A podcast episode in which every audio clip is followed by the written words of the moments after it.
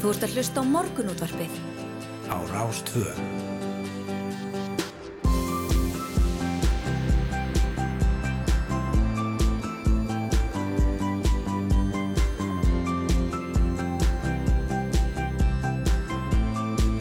Morgunútvarpið Á Rástvö. Já, komið sæl og blessuð og góðan og blessaðan daginn. Það er eh, 10. mars í dag og klukkuna vantar 10 myndur í sjö.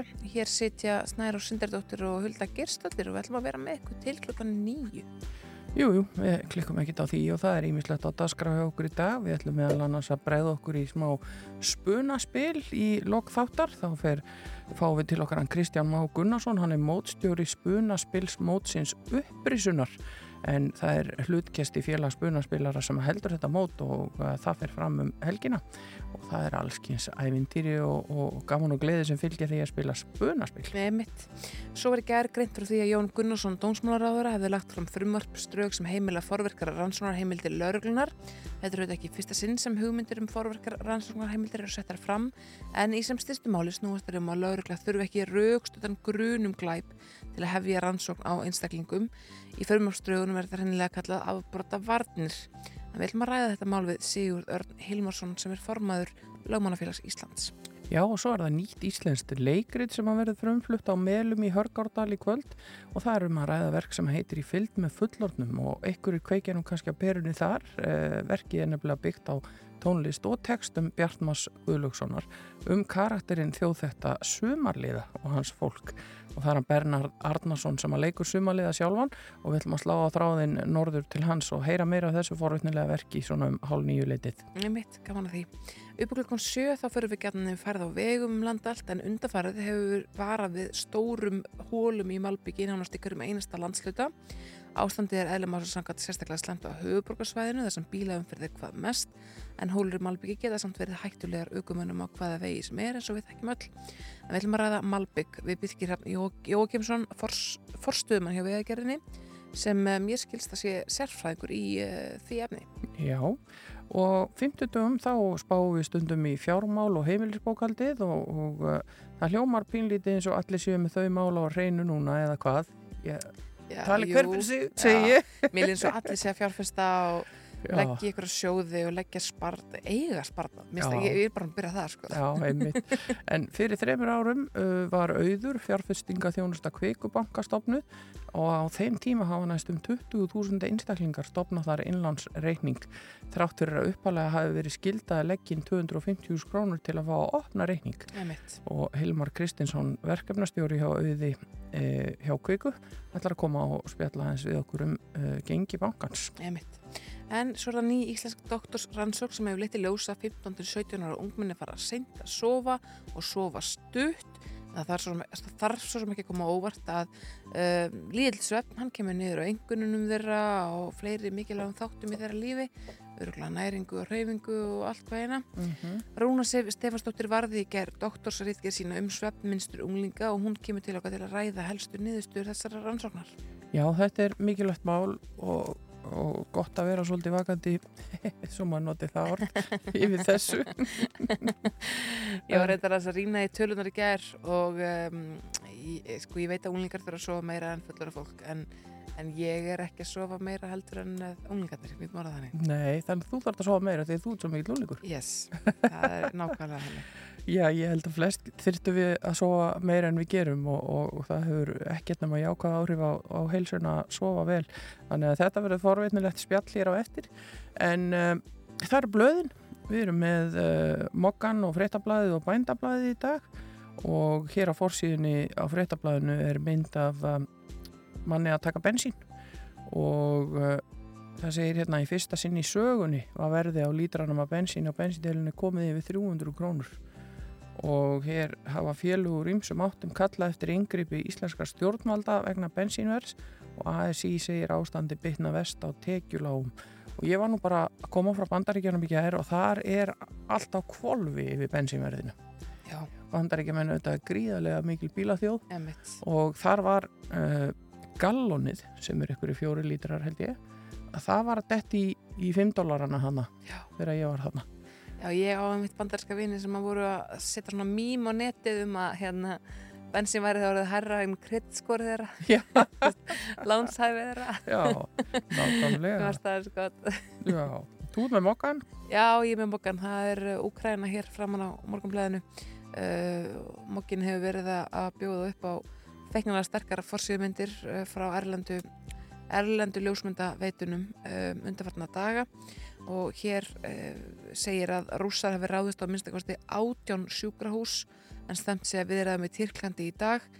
Um, og það kemur líka fram að lækningavörur og þorskrúði frá Keresis hafa verið sendað til Úkrænu, það er auðvitað Íslands, Já, Íslands fyrirtæki. Um, það er verið að nota það við meðhendlum bruna, sprengju og skotsára og Anastasia Siskova starfsmæði Keresis fór með vörurnar til Belgíu og aðfændi þær lækninum Íhorfi Tenko sem kerði þær svo til Úkrænu Mm. runar og þorskróðu hér á landi og nota við meðhendlun sára víða um heim Uh, það er, það er góða fréttir að mista kosti Já, nú á fórsíðu bændablassis er flott mynd frá Mývatni. Eh, Við vorum að ræða þarna vetraháttíðin á Mývatni um daginn og hérna er hann Guðmundur Karl Tryggvason uh, á glæsi hrissu hér á fórsíðunni. Henni blæti sér frá krókstöðum. Og uh, svo eru hér fréttir bæði jákvæðar og neikvæðar getur við sagt, annars vegar uh, hugur í, í, í gardirkju bændum, gardirkjumenn stækka, hækk og breyta segir hér í, í yfir fyrirsögn og mikil bjarsýni ríkir meðal gróðurhúsa eigenda og margir eru stórhuga í breytingum til að auka framleiðslu getuna en svo er líka hér frétt af uh, skinnamarkaðunum en uh, markaðurinn Botfraus segir hér ekki horfir vel í markasmálum framleiðenda loðskinna sama dag og uppbóða loðskinnum hóst í Kaupmannahöfn gerðu rússarinn rás í Ukrænu og markaðurinn hreinlega Botfraus þannig að um, stríðið hefur áhrif í það Já, emitt. E, það gerir það. E, ég, ég ætlaði nú að klukka þess meira en mokkar en ég rakst þegar það frétt á vísi sem að mér svolítið fyndið. Hún byrtist svona rétt fyrir 11 í gerðkvöldi. Mm. E, þar sem segir að Gísli Rann Ólafsson þingum að Pírata hafi sendt fórsættisnefnd alþingis formlegt erindi þess efnis að orkundrykkurinn Monster Ultra Energy White, betur þetta sem hvítur Monster, er ekki gerðið aðgengilegur í mötunundi alþingis Sagt, mjög formlegt, allt saman undirritað af honum um, Já. og þar segir einfallega að þingfundir alþingis eru langir uh, látum við sjá. Erum menn hættir að dugir kaffið ekki lengur? Nei, krefist þess oft á tíðum að þingmenn setja löngum stundum í þingsal og hlýða mis innihaldsríkar ræður þingmanna. Slíkt krefst úthalds, innbyttingar og orku og nöðslind er að tryggja og efla aðgengi að þeim nýslu sem geta stuðlað en frekar að því. Já, hann hefur reynilega ekki lesið uh, alla umfjöllunum orkudrykki í þessi. Já, bara svefn, þið er bara að sofa nóg þingmenn, það Já. er námarka við gerum kröfum það. Við séum vel út svo en í vinnun ykkar sko, Já. svo þeir eru að taka ákvarðinu fyrir þjóð og, og, og, og land. Já, já. Svo er hérna fréttir á síðu 2 í bandablaðinu, þar er verið að fjalla um búgreina þing 2022 og yfir skriftin er samstíga landbúnaður og við samruna búgreina félagana á bændasandaka Íslands sem hefur nú tekið gildi. Urðu til búgreina deildir innan samtakana og hver deild heldur nú sinnað alfund sem að kallast búgreina þing og var fyrsta þingi haldið uh, núna í, í byrjun mánaðar þar sem að 150 fulltrúar mættu og verið að fara svona henni gegnum helstu fréttir af, af þessu. Það er uh, nóg að frétt alltaf í bændablaðinu. Það er þygt og mikið kemur út hálsmánaðlega og alltaf gaman að gluggi, gluggi í það. Algjörlega. Algjörlega. Um, við fyrir að skipta yfir á fréttastofuna heyra hvað þau hafa að segja um, nýðistu tíðindi næturinnar og morgunsins. Og komum svo að vera með spórið með veður og ferð Já, farið ekki langt frá okkur við höldum áfram með morgum útvarpið að fréttum loknum Þú ert að hlusta á morgunútvarpið. á Rástvö.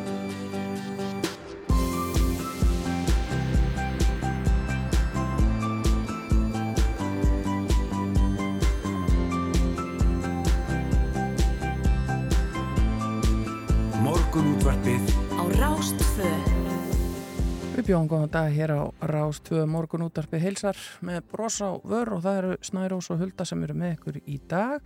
Verðum hér til klukkan nýju þegar að Þóruður Helgi tekur við með morgunverkin.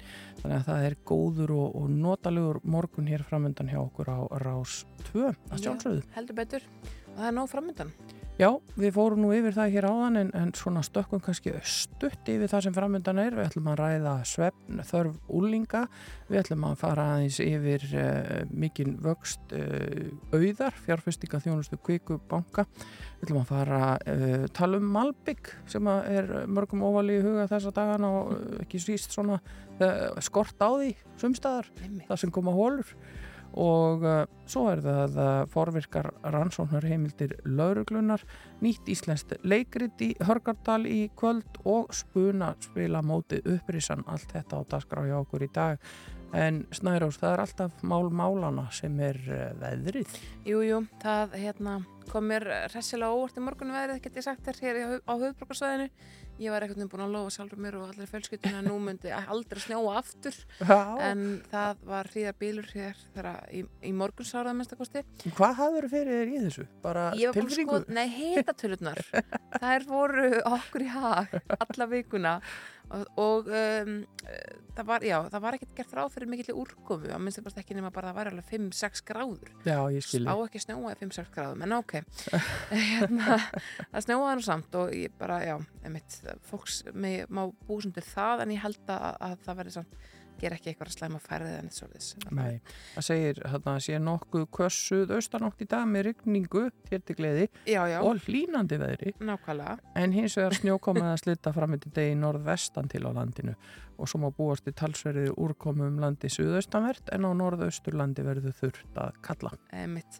Það er nákvæmlega það sem að, segir hér í hugleðingum viðfræðings og ko- skoða hérna kortið þá um, eru þetta bara snjókoma í kortunum hérna á þessum tíma. Þar sem að, þar sem að, að ég hef búin að lofa sjálfur mér að engin, engin snjóriði en það er líka bara ansi vætusamt um landið allt í dag, Já, sérstaklega sunnanverðu landinu. já, sér það ef maður fer yfir á hátegiskorti Já, uh, þá er það uh, helst fyrir uh, norðan, eða já, norðvestan og vestan. Uh, á Patrísfyrði og, Hólmavík er þá gert ráð fyrir snjókomu en annar staðar er þetta nú svona í Einmitt og það gerir, er gert ráð fyrir 6 og, á bylun 6 til 7 gráður í hita hér er svona í stærstu þjættbíliskjörnum uh, landsins. Það er uh, fyrir austan og, og norðan og, og hérna og hér uh, Mm. í Reykjavík. En, en, en það er kaldar á vestfjörðum. Það er helst þar sem að er svona við frostmarkand þó aðeins yfir. Þannig að Mm þetta, er- við þetta er alltaf réttir leið.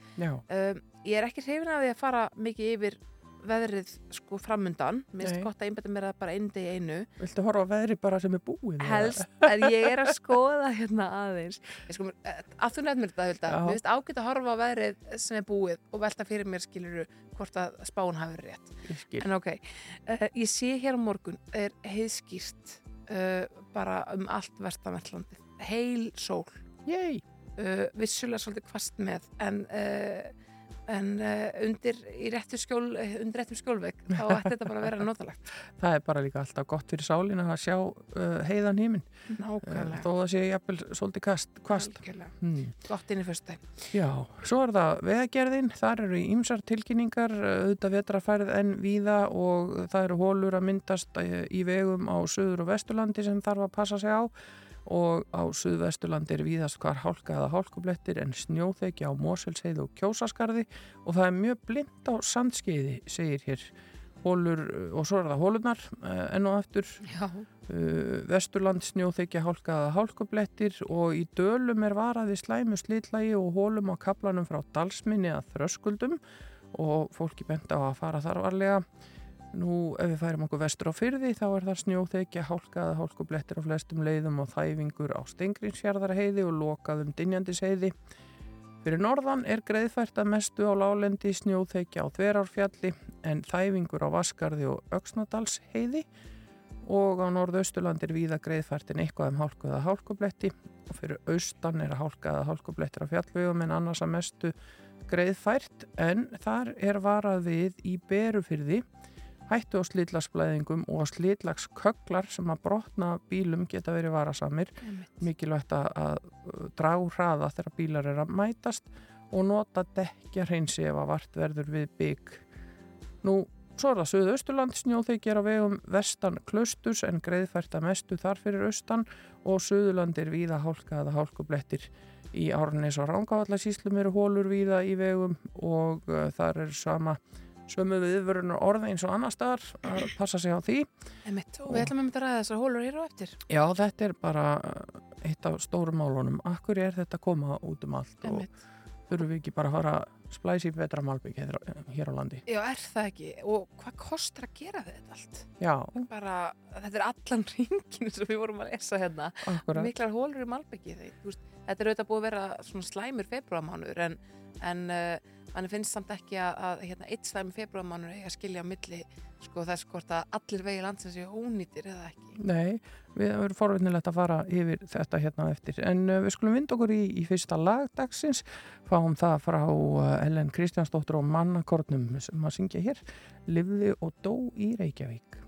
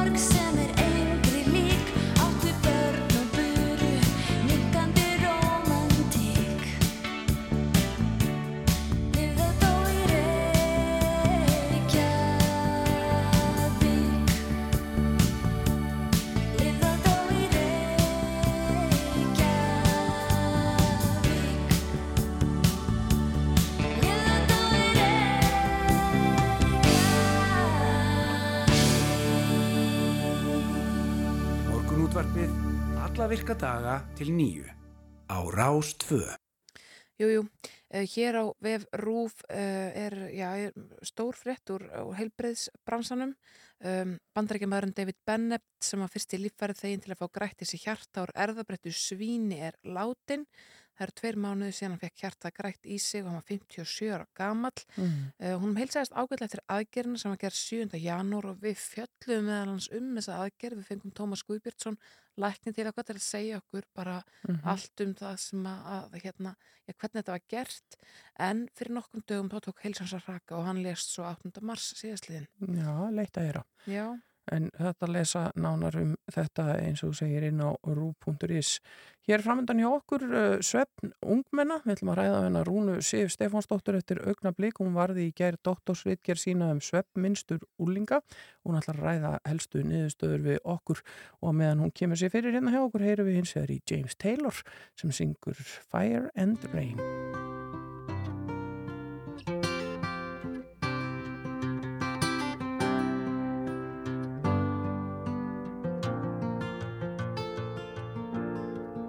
Just yesterday morning, they let me know you were gone. Suzanne, the plans they made put an end to you. I walked out this morning and I wrote down this song. I just can't remember who to send it to. I've seen fire and I've seen rain. Seen sunny days that I thought would never end. I've seen lonely times when I could not find a friend. But I always thought that I'd see you again.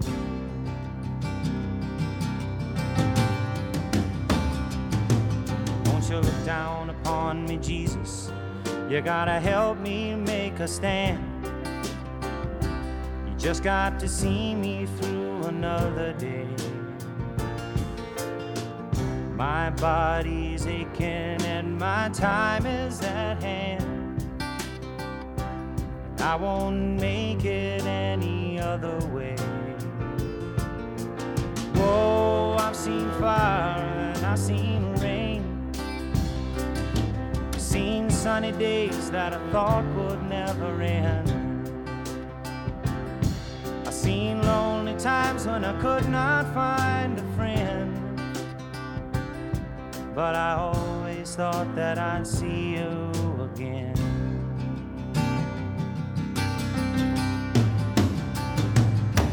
Been walking my mind to an easy time, my back turned towards the sun.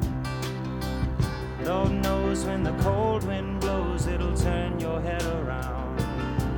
There's hours of time on the telephone line to talk about things to come. Sweet dreams and flying machines in pieces on the ground. Whoa, I've seen fire and I've seen rain. I've seen sunny days that I thought would never end.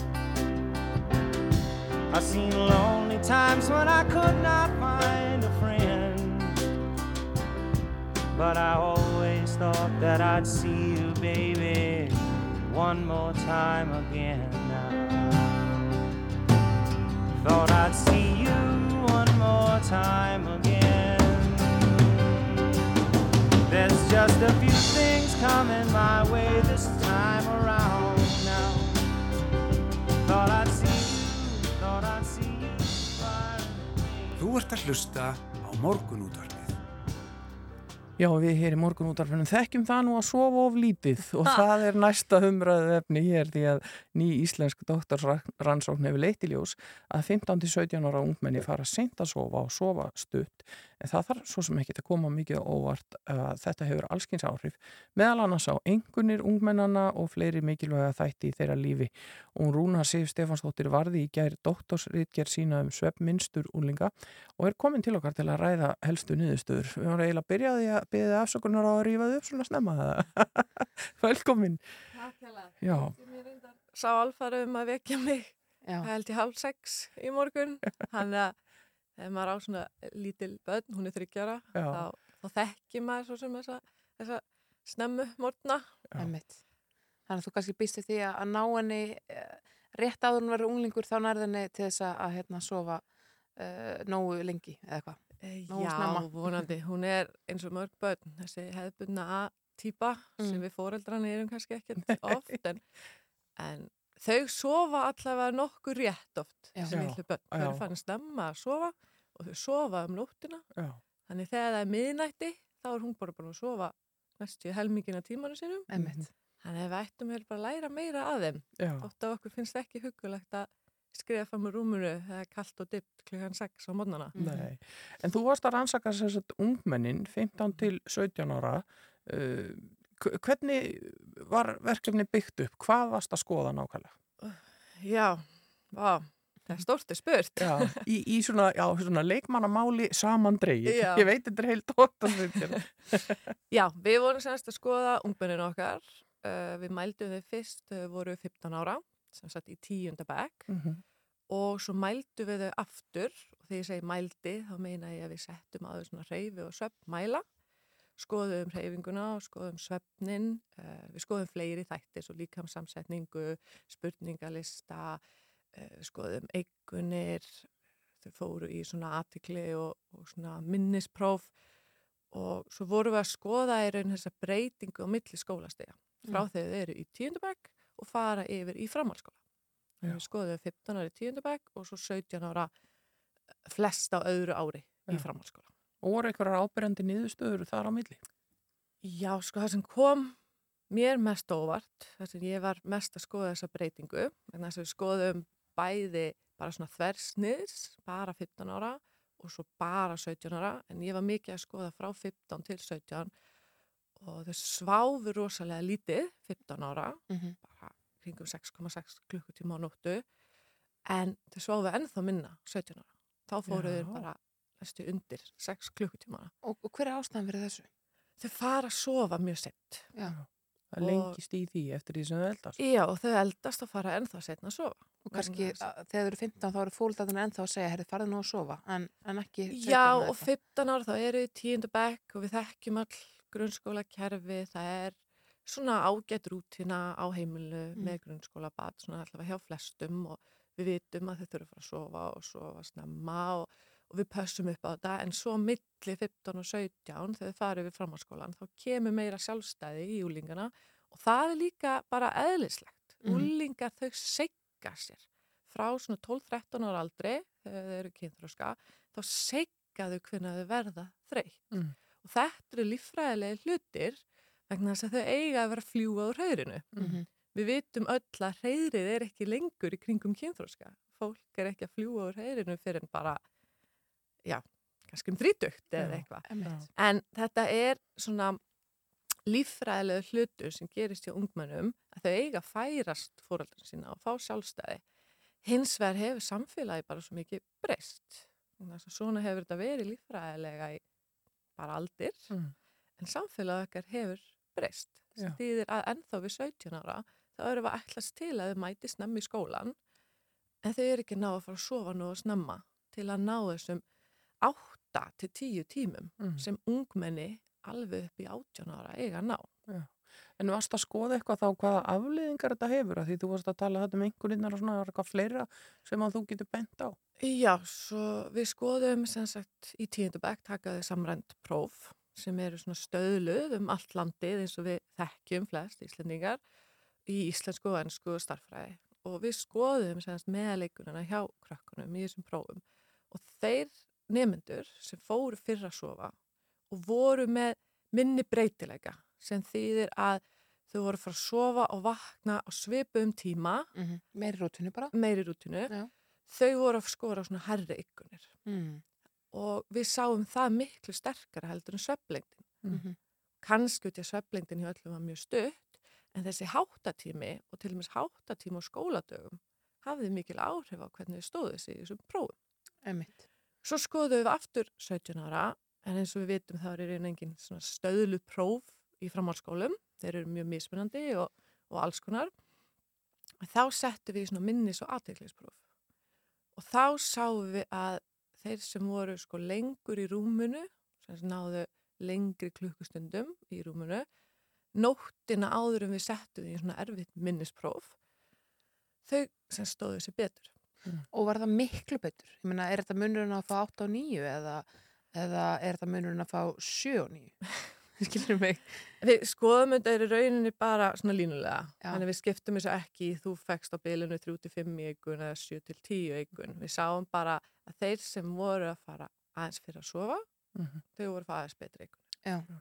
Og það öruglega helst líka í hendur með svona struktúrun á lífinu, Mhm. eins og maður segir. Mhm. Að þeir sem eru með góða reglu og rútinu í söpvenjum eru þá mögulega líka með góða reglu og rútinu í námsvenjum. En nú eru unglingur ofta að leggja sig á daginn. Þau eru kannski að Mhm. taka þessa sex og halvan tíma eða eitthvað á nóttu eins og þú nefnir uh, og svo koma þau og, og heim og leggja sig í tvo, jafnvel þrjá tíma eða eitthvað og er það komið nýju tíma sólurring. Er það ekki nóg?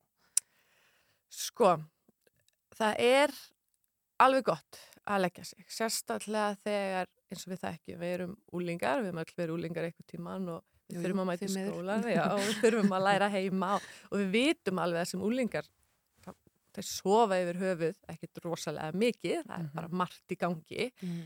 en vandamáli með að taka kannski 5-6 tíma á nóttunni og 3 tíma á daginn er hann dagsvepp sem þú sefur á daginn hann er ekki eins uppbyggður eins og nætursvepp Mm. við erum líffræðilegar já, líffræðilega uppbyggð til að sofa á nóttunni Mm. og, og þannig er okkar hormónasystem og dægursveifla og all uppbyggð Já. Mm. En ég finna samt, sko, bara maður er nú stundum að reyna að segja krökkunum að fara, fara að koma sér í bæli, það sé Mhm. skóli fyrir ámálið og allt þetta, Mhm. en þau eru bara ekki tilbúin að sopna. Það er þessi lífræðilega sveifla sem þú ert að lýsa þarna. Er þá lausnin frekar falin í því að horfa á mótnana og skólakerfið að þau fái að byrja aðeins setna í skóla? Já, sko án þess að ég þetta var bara að vera doktorsyrkjunum mína og stefna ekki að fara í neina ráðneti en, en með við það sem við til mig sáum millir 15 og 17 ára er að við skoðum dálítið hvaða skóla þau voru að fara í 17 ára Mm. og við vitum alltaf að skólanir, framhaldsskólanir eru mismöndu uppbyggðir. Við erum með bekkikerfi sem er þetta hefðbunin mæta kláðan 8, halv 9 og svo erum við með fjölbrytakerfi Mhm. þar sem oft krakkar hafa svona kannski smá meira sveirum til að aðeins ákveða. Og við sáum að þeir nefnundur sem fóru í fjölbrytakerfi, þau sváfu lengur. Mm. Og þau fóru öll að sofa á mjög svipum tíma. Já. Þau eru öll að fara að sofa 17 ára sko, rúmlega eitt á nóttunni Mhm. og það er þessi líffræðilega þáttur trúlega. Mhm. En við sáum að þeir sem þurftu að vakna klukkan sjö til að gera sér til fyrir skólan, mögulega keira, það eru þetta mismunandi vegalendir, þau voru að sofa sko 28 mínútum stittra að meðatali.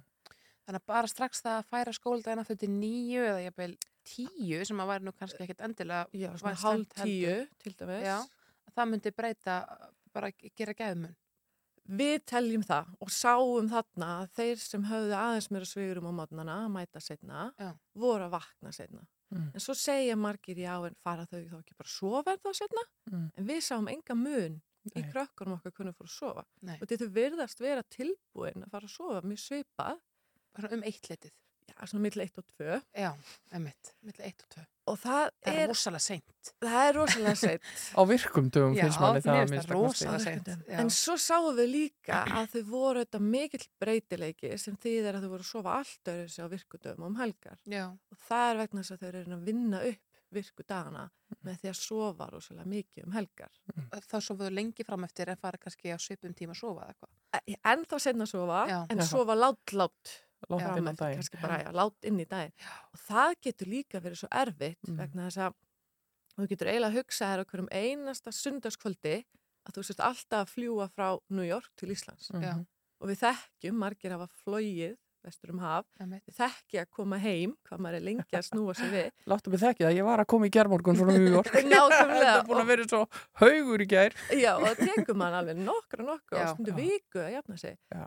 En þegar þú breytir svona um munstur, hvernig þú sefur og virkudum um helgar, Mhm. þá ertu alltaf Að social jetlag, heitir þetta. En það er kannski ágætis bara svona í lokin svona áminning fyrir okkur fullunda fólki að vera heldur ekki að sofa til hátegis eða dorma til 10-11 á- um helgar heldur Já. að fara og rífa sér á lappir svolítið og halda þessar rútinu eða eitthvað. Já, og við erum farin að tala mjög mikið um að sko svepptímin er eitthvað sem við höfum kannski svona stjórn á bæði og, en þóttu við erum alltaf kannski bara ná 6-7-8 tímum, vonandi 7-8, að reyna alltaf að halda þessari rútinu. Emitt.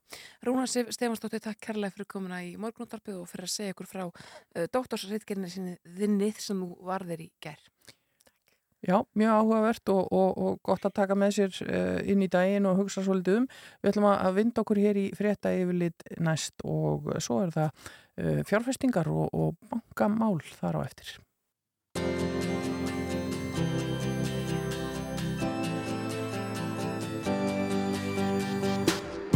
Þú ert að hlusta á morgunútvarpið á Rástvö. Jú, jú, áframhaldum við hér í morgunúttarpinu. Uh, manni líðstundum þessa dagana eins og allir séu með fjármálun sína á reynu, fjárfesta og setja sjóði og nei, nei, ég bara horfa á þig að þegar við höfum rætt þetta að, að hérna mér líður alltaf, ég, ég er með minnum alltaf kent, við getum árað þannig. Já, ég, ég er ekki með allt á hreinu, bara svo það sé á hreinu. Nei, ekki heldur.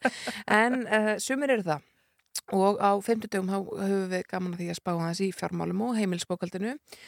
Fyrir þreymur án síðan þá var auður fjárfestingaþjónusta kvíkubankastofnuð en á þeim tíma hafa næstum 20.000 einstaklingar stopnað innlandsreikninga þjónustunni þrátt fyrir að upphaflega hafi verið skildi að leggja inn 250 krónum til að fá að opna reikningin. Já. Ég á ekki þennan 250 skall. lámars inn, innlöf. Algjörlega. Hann er komin ykkar til okkar Hilmar Kristinsson, verkefnastjóri hjá Auði. Um, velkomin, Takk hérlega fyrir að fá mig, gaman að vera hérna hjá okkur. algjörlega. Til hamingi með þryggjára ammali Auðar. Takk fyrir það. Hvað, hérna, eh, hvað getur sagt okkur? Sko, 20.000 einstaklingar er ekki, er ekki sem mýta. Maður er líklega til að skipta um eh, maka heldur en banka. Það er bara hárið held ég sko. Nei, þetta er uh, einmitt þrjú ár núna á lögadaginn, þá verður auður hérna, þryggja ára og þetta er búið að vera rosalega skemmtilegur tími. Þetta er náttúrulega, þessi bankaheimur er ekki þekktur fyrir svona mikla breytingar eða öðra þróun, þannig að þegar við riðum á vaði með auði þarna fyrir þreymar árum þá runnum við svolítið blind út í sjóin Já. en viðtökunar hafa bara verið rosalega góðar og auðvitað, úst, hugsa maður um kannski, úst, hvaða hlutir hafa orðið til þess að auður var svona mikið success eins og hún er Já, hver er munurinn á þessum banka og öðrum getum að spurt? til N- dæmis? nákvæmlega, úst, og eins og bara hvað auði varðar hérna og fyrir viðskiptuvinnin auðvitað lítur þetta fyrst og fremst bara að koma nýr á kjörum Mm auður býður bestu vextina á þessum markaði þannig að fólk lítur að horfa í það Já, það er þá allavega einhverju vextir. Það eru einhverju vextir, nákvæmlega. og hérna eins líka auður er uh, einföld, hún líka svolítið frökk. Hún, þegar við sendum tölupost á viðskiptafinni þá segjum við hæ, við erum ekki að segja hérna góðan dag bara- og eitthvað svona. Ok, er þetta svona eins og vá er í, í hérna bankaþjónustu? kannski svona ákveðin leiti þannig að það sem, og það sem er mitt auður er frábröðin öðru böngum er bara hún er einvörnum á netinu Já. og þú afgriðir svolítið sjálfur Mm. en gegn því færðu þessi bestu kjör. Segð það, gegn því farðu þessi bestu kjör. Það er hérna svolítið líkil atrið hjá ykkur. Þið hafið aldrei haft neinn útibú eða neitt. Það er ekki að koma að hitt ykkur eða hvað. við uh, þegar við sem sagt fórum á stað, þá vildu við, þá sáum við svona ákveðina, hérna, ákveði tækifæri, þá, þá voru stórir svona sparfjóreigundur með miklar summur efna með einstaklingar fyrirtæki sem voru að fá þessi svakalega góðu kjör á þeim tíma Mhm. Og kvika sem sagt hafði aldrei verið á þessum einstaklingsmarkaði anninu viti. Þannig að það breytti rosalega litlu fyrir okkur að koma inn á markað og bjóða þessa svakalega háu vexti. Við vorum ekki að kanabil, kanabilisera neinu. Þannig að hérna um leiðu við ger, gerðum það þá hérna uh, þá sáum við samt það að við þyrftum að hafa þetta með einfalt og litla yfirbyggingu og við höfum náða að halda þeim takti allar gutur síðan En af þessu fólki sem hefur opnað hjá okkur reikning á, á þessum þremur árum, e, sjáu þið ykkur að línu, er þetta til dæmis yngra fólk? Eða? þetta er nefnilega alveg glettilega hérna drifður hópur fólks bara alveg mitt fólk á svona yngsta aldri sem er að koma til þessu fóturum að fara að kaupa kannski svona fyrstu íbúð upp í bara fólk á allra besta aldri sko sem skulda lítið og ákvæmst einhvern smá pening til þess að leggja til liðar Mm. Þetta er þetta svona innlandsreikningar, þetta er svona, þetta er svona spartnaðreikningur í raun og veru. Sko, hvað myndur þú segja að væri mikilvægast að huga að það kemur spartnaði? Nú horfum ég að hulda því ég veit ekki neitt. ég myndi talandi um svona einmitt sparna bara í heilsinni ég mæli með að þið kíkið á hérna, hóp á Facebook Já, sem heitir fjármálatips er ég er í honum? Já. Ég er alltaf að læra eitthvað nýtt. Ég er ekki einu sinni þar. þannig Nei, að ég veit ok, ekkert. að, ok, þá er ég skrifin það er gott að byrja þar að það er bara fólk sem get, spyr bara hispuslaust um allt er tengist fjármálum Já. Mm. og ég er mjög gaman að fylgjast með þessu og, og svara stundum ef ég get hjálpað einhverjum en það er mjög gott að byrja þar Mhm. en að samaskapi uh, bara átta sig á áhættum er tengist fjárfestingum. Sumt er áhættu samar en annað. Að Mhm. leggja inn hjá auði telst til svona tilturlega lítillar áhættu sko, þetta er, þetta er sparnæðreiningur eins og hún nefnir. Já, en uh, já, sem en svo ef þú ætlar að fara í hlutabref eða sjóði eða eitthvað slíkt bara átt að segja á því að heimurinn er stór og marketu gest það er, það er því miður stríða geisa í Austur-Európu og það hefur áhrif til dæmis á markaði Nákvæmlega. já. En nú er, eins og þú segir, þessi litla yfirbygging og þetta er fyrst og fremst netsamskipti og, og, og þú skráir því á netinu. E, Þið finnið ekkit fyrir því að, að fólk treysti þessu ekki. E, Margir vilja ennþá geta farið og hitt bara sinn fulltrúa í bankanum. En Ná- það, það sleppur til. það sleppur til ég, hérna, við gerum líka rosalega mikið upp úr því að þetta sé rosalega einfalt í nótkun og sama skapi byggum við til svona algengar spurningar á síðu auðar þannig að ef að fólk er kannski óvís með eitthvað þá reynum við að hafa hennan lista uh, mjög hérna fjölbreyttan eða svörum við spurningunum mjög fjölbreyttan þannig að fólk Mm. ætti að sjá svörum sín spurningum þar en einmitt, einfaldleikin og vera mjög skýr en svo að sjálfsögur fólki í Guðslöndi velkomið að ringi okkur og senda okkur tölupost það er, Já.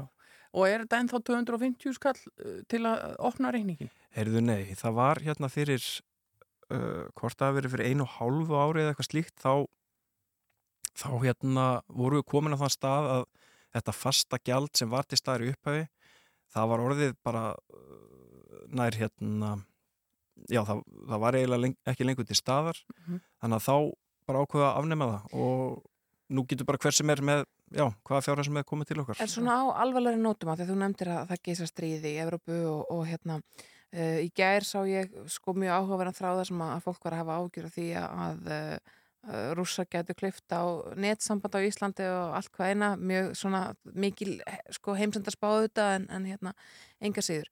Hafið þið fundið fyrir því að fólk sé að taka út peningana sinni reyðu fyrir og það sé að, að hérna um, já, bara taka peningana heim ef skekkinni eða eitthvað myndi gerast.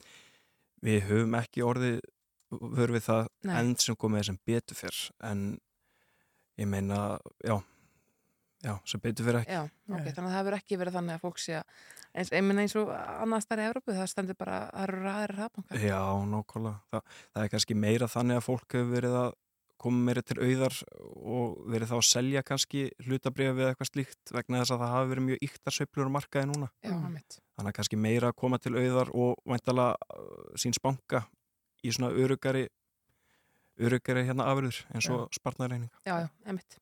Gott mál, Hilma Kristinsson hjá Auði á Kviku, takk kærlega fyrir komuna í morgunúttarpið. Takk hérlega fyrir mig.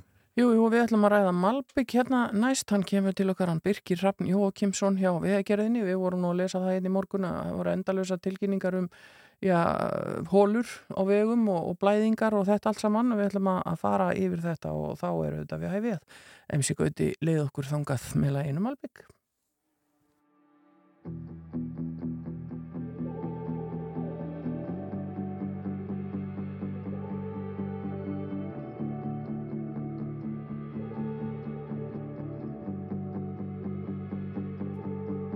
Situr stað þar sem tíminn líður ekki þó ég veitu vera vísarnir þið ferðast en að ljósræða í borginu Í þetta skipti fórst og ég var eftir í þöggunni þrá ekkert hitt að reyna að eiga smá þig. Ég veit að ég var heimskur, svo ótrúlega heimskur. Veit að ég var fíbl og veit að ég á allt skilið Er grasi græna hinum megin við mig Hvað veit ég um fokkin gróður Ég er alinn upp á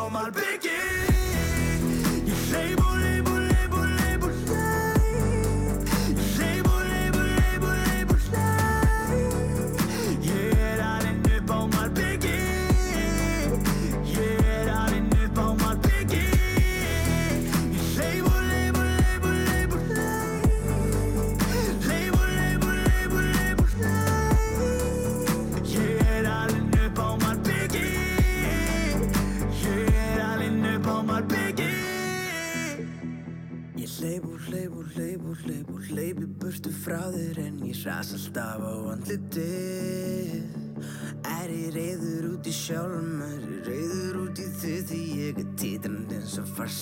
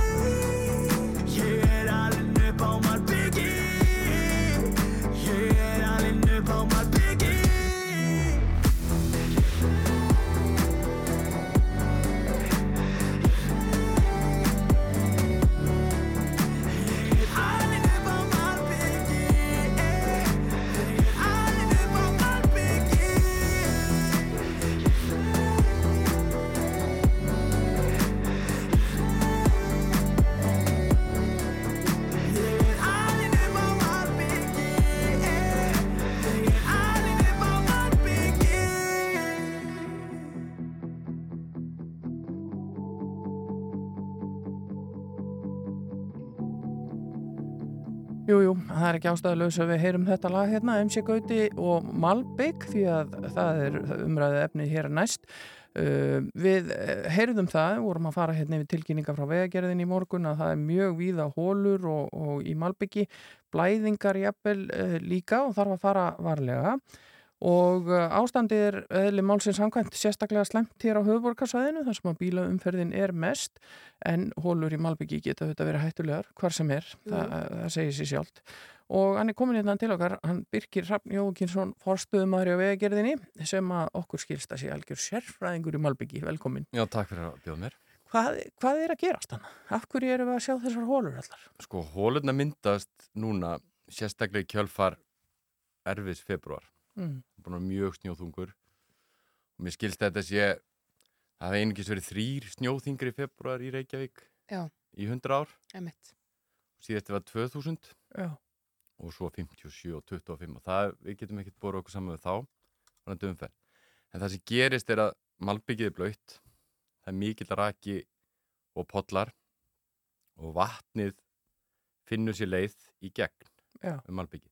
Og það þarf rosalega lítið til, það þarf mjög fína sprungur Mhm. sem við sjáum ekki með augunum til að komast vatni í gegn. Og þá sapnast vatnið saman undir malbygginu og þegar það frýs þá þennst það út. Já. malbyggið þrýstist upp svo hverju vatnið, bíl kerir yfir og brýtur malbyggið. Og þannig myndast hólan Mm. þannig að þetta er svona í stuttumáli hvernig hóla myndast í malbyggi. En við sjáum þetta svo sem víða hjá okkur og þetta gerst líka á svona stöðum þar sem við erum að mæta malbyggar að mætast við hraðahindrun sem er hellulögð annað efni, það myndast veikleiki þar á milli og það er eiga til að myndast hólur út af sama sömu verkun Já. þannig að í raun og veru er þetta þessi ótrúlega snjóþungi vetur eða snjóþungi februar sem er að valda því að að hólurnir eru að koma núna en við lendum nú alltaf í því á hverju voru í leysingum að það myndast hólur og við erum svo sem ekki deinu það og En er, bara, ég meina, er þetta ekki bara eitthvað drasl malbygg? Það er ekki að þjætta það eða eitthvað svo að vatni komist ekki undir? Nei, sko, við erum að nota fyrstaflokksmalbygg bara nákvæmlega sömu uppskriftir og, og nágranna þjóðunar, Já. Svíþjóð og Noregur. Við flytjum inn allt steinefni frá Noregi, byggi kemur frá Svíþjóð og við erum í miklu samstarfi við bæði normenn og Svíja í malbyggsmálum. Mhm. Svíjar hafa verið að vara við mikið af hólum á sínum vegum. Ég séð mikið af frétti frá bandaríkjunum, bæði Seattle og Boston sérstaklega, Mhm. svona á snjóþingri svæðum Já. í bandaríkjunum.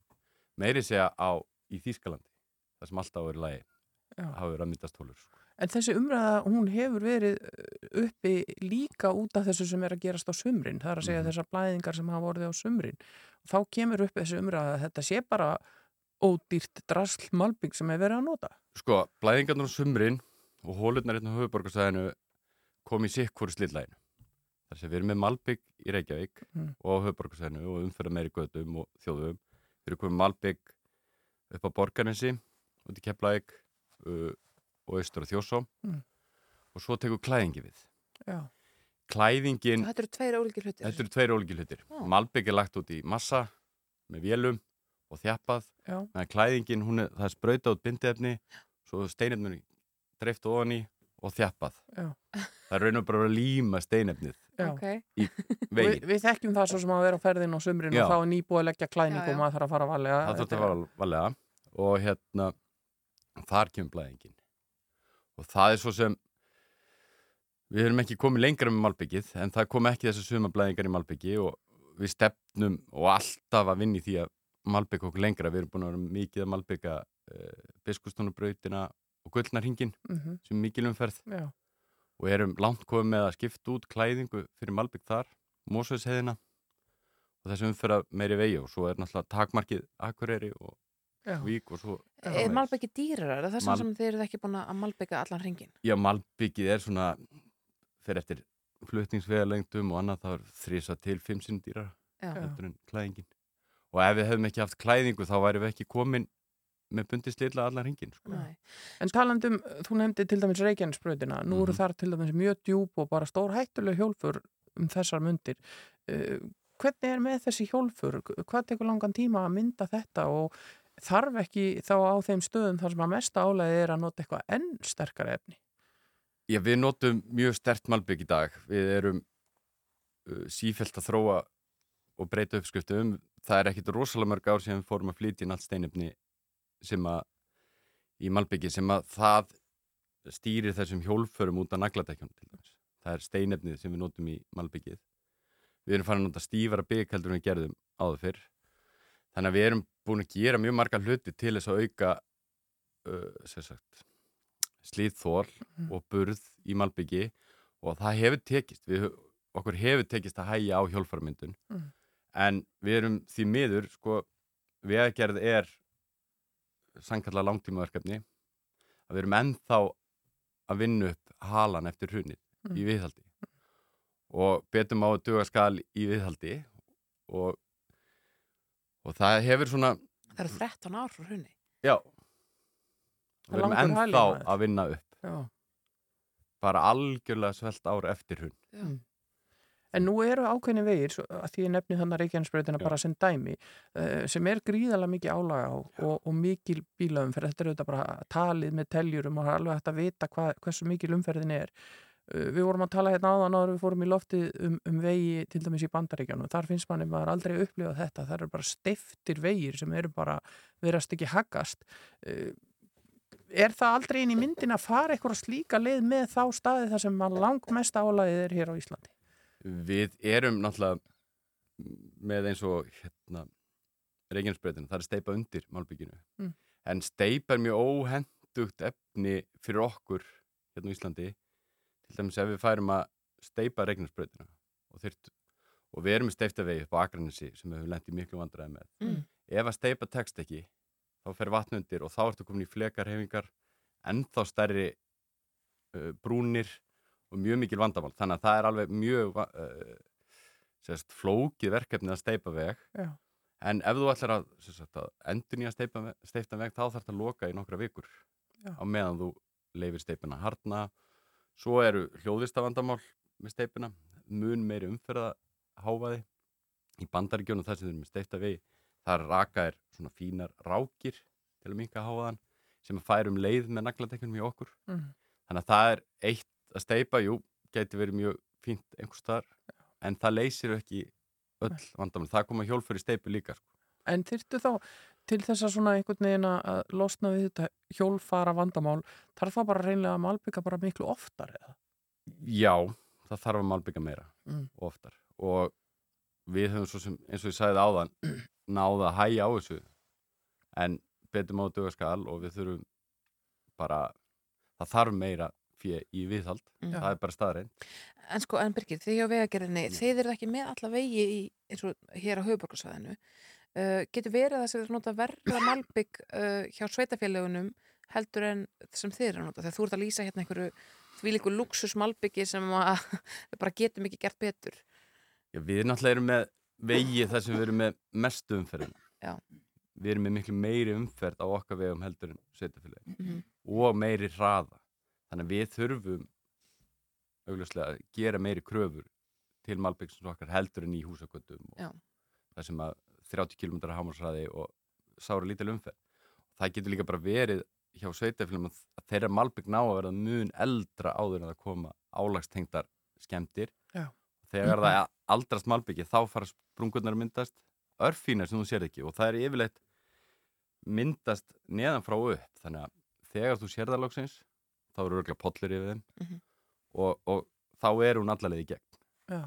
Sko ein pæling, af því þú nefnir þetta, það myndast niðan frá og upp. Við höfum þetta haft hérna, það hafa verið mikla jarðskjaldar hér á Já. Suðvesturhöfnunu uh, síðan bara er, fyrir gósið í Geldingadölum. Mhm. Getur það haft áhrif? Getur það verið að mynda sprungur í Malbyggja eitthvað leiti sem að skýrir það hversuna við erum að sjá svona opbáslega mikið af hólum núna? Já, það geti gert það ef að malbyggi er orðið stökt Já. af aldri og þú talar um steipunaðan Mhm. mun líklega að sprengja steipuna heldur um malbyggið Í jarðskjaldum. í jarðskjaldum að því malbygga, nei hérna steipa er stíft slitlega meðan malbyggi er sveigjanlegt Þa, Já. það, það getur heift sig Já. með og þess vegna viljum við líka nota það Já. En áður ef við kveðum þig, uh, hver eru svona næstu stóra verkefni? Þú talar um þið eru komin upp í Borganes og, og í fyrra, var það ekki fyrra sem við sáum blæðingarnar og holtavöruð heiðinni og, og mest gekk á. Hvað, hvað verður gert næsta sumar? Við Hvað er í höldum- kortunum? Já, við höfum byrjað aðeins í Norðurátanum, sem sagt norðaðið Borgarnes. Þar sem við höfum verið að laga vegi, fræsa upp og, og endurlaga þar sem þeir eru aflagaðir og þá höfum við tekið ákvörðun að nota malbygg í staðan fyrir klæðingar. Þannig að við erum að skipta þessu út hægt og rólega og erum svona að vinna í að leggja fram plan langtífum plan um Akureyri og svo austur eftir. Já, þannig að það, það, þetta er allt í kortunum. Þetta er allt í kortunum. Engin steipa fyrir huldu, satt. Nei, þú getur kert upp í kollafjörðu og þar og þar fara að kera við smá steipu Já, já, ég gerir það til að fá útrás fyrir þetta. Eða bara fara á svona bílaplöð í kringlunni eða eitthvað? Já, það, og er kertu við brýr, þær eru alltaf steiftar Já, nákvæmlega. Þannig að það er ýmsa leiðir í þessu en það er greinlega að, að nægu að taka og, og nóg verkefni í þessu uh, tekur langan tíma að laga þessar hólur sem núna er í gangi það getur tekið alveg tíma en við erum alltaf með flokka úti bara, bara núna Já. að henda í hólur og fólki finnst kannski svolítið skrítið að sjá það og henda í hólu það sem er pollur og, og annað en það er og þeir vita það lang manna best sem er að gera það það, það, það, það hérna, dugar ekki lengi Nei. en það kannski kemur í veg fyrir að næsti bíl komi og, og skemmi dekk Það hjálpar sem sagt að, það hjálpar að já, ég meina, sletta hans í hóluna og já, bara, já, bara til að halda henni að það sé ekki hóla Já. og svo vakta og, og um leið og Mhm. aðstæður gefa færi þá fara menni að gera við þetta en, en sko hvað verður, Meni, verður þetta þá okkur met kostnaður þegar að framlega, þess að bara í sumar til dæmis, við að gera við allt þetta mm. kringum ég veit það ekki en, en þetta er búið að vera metkostnaður í, í, í vetraþjónustu hjá okkur Já. Aldrei verið stærri mánuðir heldur en janúar og februar og við hefum bara eftir að kortleggja þetta betur Já. Takk fyrir að koma til okkar Birgir Rafn Jókimsson, fórstuðumari á vegagerðinni og, og fara yfir þetta með Malbyggi með okkur Já, takk fyrir mig Heyrum hérna í Red Hot Chili Peppers sem að leggja stað í ferðalag Road Trippin og svo er það fréttir klukkan 8 Road tripping with my two favorite allies. Fully loaded, we got snacks and supplies. Time to leave this town, it's time to steal away. Let's go get lost anywhere in the USA. Let's go get lost, let's go get lost. Blue, you sit so pretty west of the one. Sparkle like with yellow icing, just a mirror for the sun. Just a mirror for the sun. Just a mirror for the sun. These smiling eyes are just a mirror for. So much has come before those battles lost and won. This life is shining more forever in the sun. Now let us check our heads and let us check the surf. Staying high and tries more trouble than it's worth in the sun. Just a mirror for the sun. Just a mirror for the sun.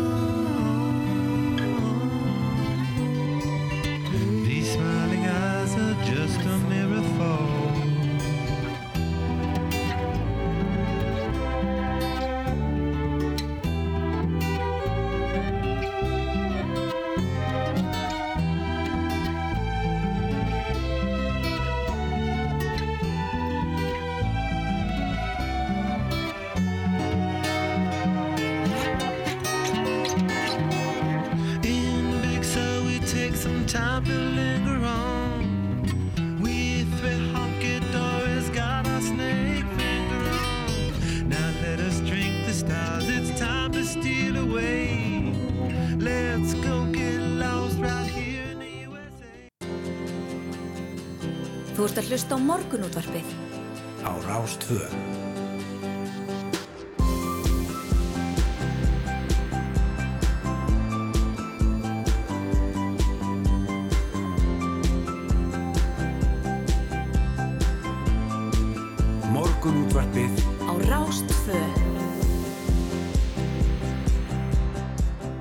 Höldum við hér á Rás 2 morgunúttarpið síðari hálfleikur að hefjast hér hjá Snærós og Huldu. Og svo heldur dagskránu þetta áfram hjá okkur á Rás 2 eftir morgunúttarp Þóruður Helgi á sínum stað með morgunverkin eftir nýju fréttir og svo er það Poplandi eftir hátegi, þar er eh, Rósa Birgitta og Matti og allt í, í gangi þar eins og vanalega síðdegið kollegar okkar þar sennipartinn en við erum nú ekki hættar en við erum klukkutíma eftir Snærós til að láta ljós okkar skína. Í útarpi Já, eða aðalega að láta gest okkar skína og við eigum von á góðum gestum. Við ætlum að ræða við Sigur Örn Hilmarsson formann lögmannafélags Íslands hér eftir augnablík ætlum að tala um uh, já, þessar forvirku rannsóknar heimildir lauruglunar uh, og frumvars drög þar um. Þetta er áhugavert mál og, og, og kannski gaman og gott að fá bara svolítið útskýringu á þessu, hvað þýðir þetta? Og, og, og hvaða áhrif getur þetta haft? Líka bara að heyra hvað lögmunum finnst um þetta því að þetta getur haft mjög mikil áhrif á þeirra umbjóðandur. Jú, jú, og svo er það nýtt eistlenskt leikrit sem verður frumflutt á meðlum í Hörgardal í kvöld. Við ætlum að ringja norður uh, rétt upp úr hálf nýju hann Bernhard Arnarsson sem að leikur aðal hlutverkið og forvitnast um þetta nýja verk sem byggt er á tónlist og tek tekstum Bjartmas Guðlugssonar og svo er það spuna spila móti upprísan sem að uh, fer fram um helgina. Heyrum af því svona undir lok þáttar. En uh, tónlist hér næst á meðan hann kemur sér fyrir hérna hjá okkur hann Sigurður Hilmarsson uh, formaður lögmannafélagsins. Við ætlum að heyra í hljómsveitinni Lón og með þeim er hún Rakel og um, þetta er uh, nýlegt frá þeim heitir uh, Runaway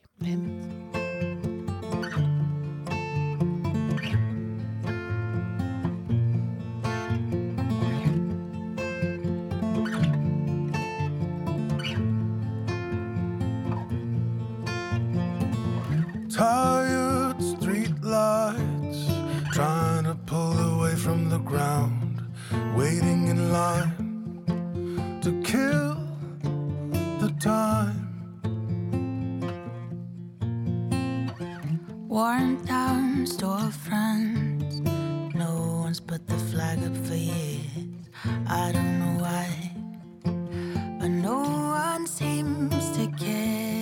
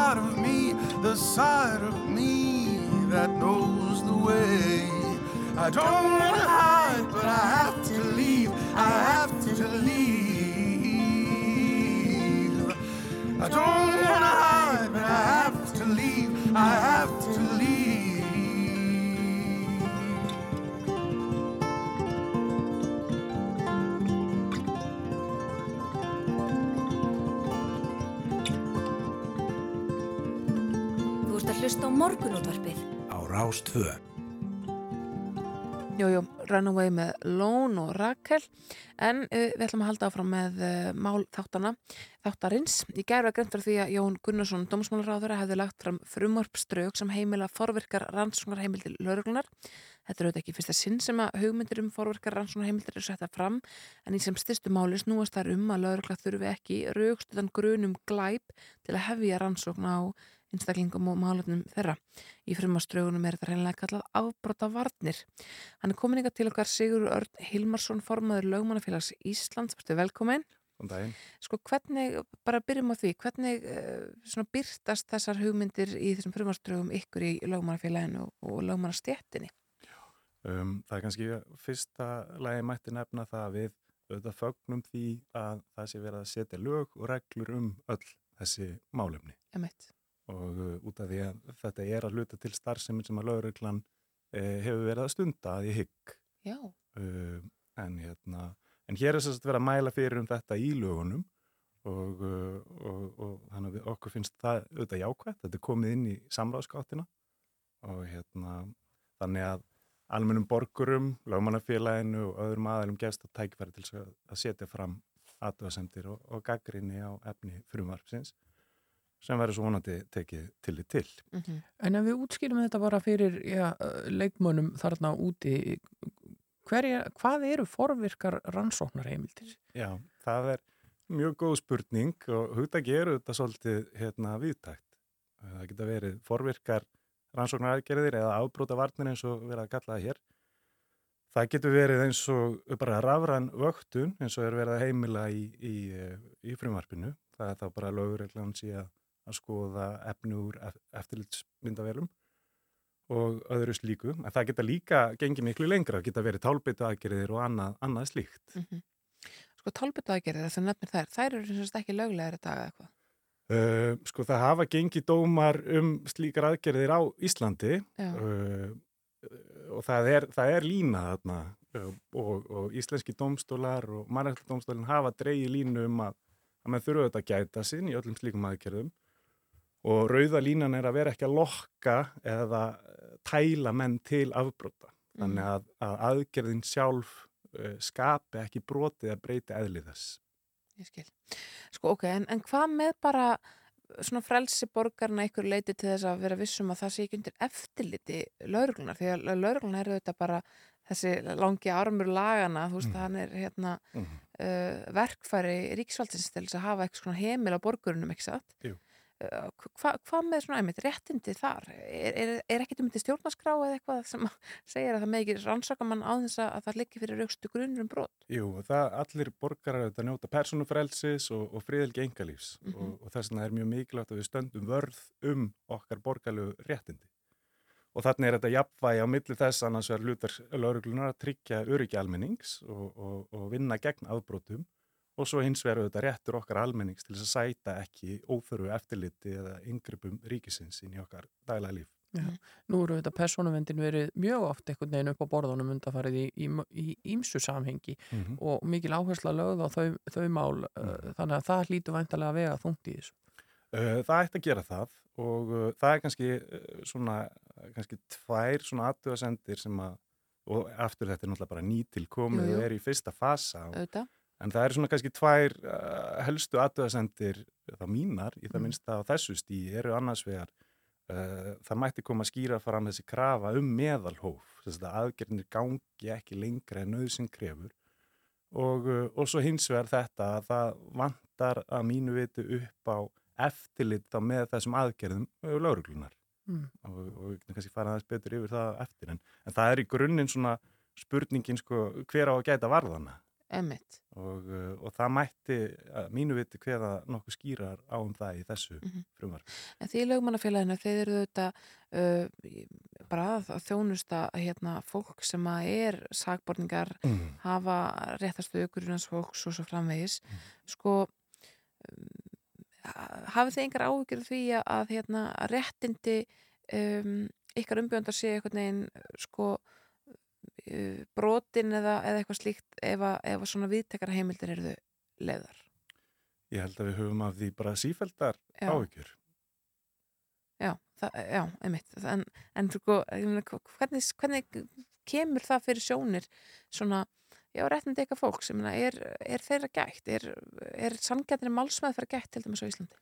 Já, já, ég hygga, hygga svo sé og, og það má ekki gleyma því að það er allir að, að reyna að vanda sig eh, hvort sem það er sko, ráðferðan að leggja fram eh, þetta, þessi dröga, þessu frumvarpi og býður þannig upp á þetta að, að mann komi sínum sjónum um að lögreglan og dómstólar og, og ákærendur, það eru þetta allir að, Mhm. allir að reyna að vanda sig en, en þess vegna er einmitt svo mikilvægt að það séu þessi varnaglar, Mm. að það sé möguleiki að virku eftirliti og þá endur skoðun aðgerða og það er kannski alltaf lægi að fara aðeins yfir kannski nánar efni frumvarpsins Endilega. þannig að, ég ger ekkert endilega ráð fyrir því að hlustendur hafi, hafi lesið það. Nei, nei. og þetta er þess að drauga, drauga frumvarpi sem að mæla þá annars vegar fyrir um heimil þá til þess að að, að, að uh, starra ekki að sérstakka greiningadeild uh, til þess að rannsaka sko landráð sem brot, brot gegn aðstu stjórnvöldum og hriðverka starfsmi og annað, annað slíkt og, og rekja þá svona miðlagan gagnagrunn í, í því í tilliti.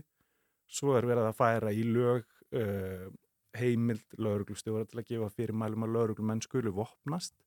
Það mér skilst að það sé núna í, í einhverjum reglugerðum eða öðru, öðru slíku. Mhm. að vera að setja það inn í lögin og, uh, og svo þriði þátturinn að það eru þessar afbrota varnir og það er það annars vegar mjög almenn heimild til þess að, að sinna í raun og veru svona rafrætni vöktun Mm. uh, að oft þá almannafæri eða stöðum sem almenningur hefur aðgang að og þá er, uh, og þess að má lesa af, af draugunum sko hugsunin aðalega svo að það er þessi rafræna vöktun Já. og við þekkjum það sko bara erlendis frá að, að það eru auðvitað til svona myndavélakerfi sem að geta greint bílnúmer og, og í Kína eru, eru myndavélar sem geta greint andlit Jú, jú. og gerfigreindin getur þannig rekið í raun og ferðir fólks um almannarými. Mm. Hvað með eitthvað eins og símahleranir, falla þær það undir? Uh, nei, það er sérstök þinguna aðgerð sem að fellur þá undir lögum meðferð sakamála uh, og, og þar þá dómsúrskurð til. Mm. En, uh, en við þjá lögmannafélaginu ásamt ríkis saksóknara höfum gaggrínt sko, framkvæmt þeirra og raun og veru sko, það er það þannig að lauruglustjórun á höfuborgarsvæðinu og lauruglustjórun á, á suðunissunum, þeir gera svona 90% af símhlustunum en þeir hafa ekki sagt sint skráningu þessara símhlustana uh, það er mælt fyrir um það að það er tilkynna þeim sem hefur sætt þessum þingunar úrraðum um símhlustununa Já. og svo að vera reikjanleiki í kerfinu þannig að, að það sé hægt átt að sjá því hverjir hafa hlustað á upptökuna Mm. en, en þessu hefur ekki verið fyllt og uh, ríkisaksónari hefur skrifað um þetta skýslur tvíveis í það minnsta þar sem að uh, þessi embætti eru gaggrínt harlega fyrir að sinna ekki lögbundinni skildu og hlýta ekki fyrirmælum uh, ríkisaksónara um efnið. Er þá fullt af fólki eða eh, allavega einhver hópu fólks svona úti sem að hefur sett símleirunum án að veita að því? Já. Það, það er bara þannig? Ég heika að svo sé. Já, sko og er engin skráning, er engin leið til að komast til bótt því hvaða hópur er þar undir og, og minna, þessi hópur ef að, ef myndu vita af því vantalega á hann hérna, eh, getur farið í sennilega bara í mál eða að minnst þú kvartað eh, um nefndum eftir eitt lög um, þetta sko veldur óþæðendum og ég svona sinni fjölbreyttum lögmastorum, ég man það einu sem leitaði til minn maður sem hafði áhyggjur af því að, að hann hefði verið hleraður sko. Og, uh, og í hans tilfelli var þetta bara svona almennur ótti sko, hann var kannski tortrykkin gagvart ríkisvaldinu, ekkert en það. En það var hægt að senda fyrirspurn og fá staðfestinga á því að svo hafi aldrei verið sko, hann Já. leið aðeins betur fyrir vikið En við hefum séð í, í útlöndum að þar hafa verið sett svona ímiskonar lög og reglugerði sem að oft eru þá hengt við hriðjuverka og Já. en e, það er nefnt í þessu frumvarpi en, Mm. en er þó ekki megin ástæðan Nei, einmitt. Og uh, það er nefnt og þetta er náttúrulega, þessu er ætlað að vinna gegn skipulæðri glæpastarsemi sem er auðvitað vandamál í Íslandi eins og öllum öðrum, öðrum lögsögum. Mhm.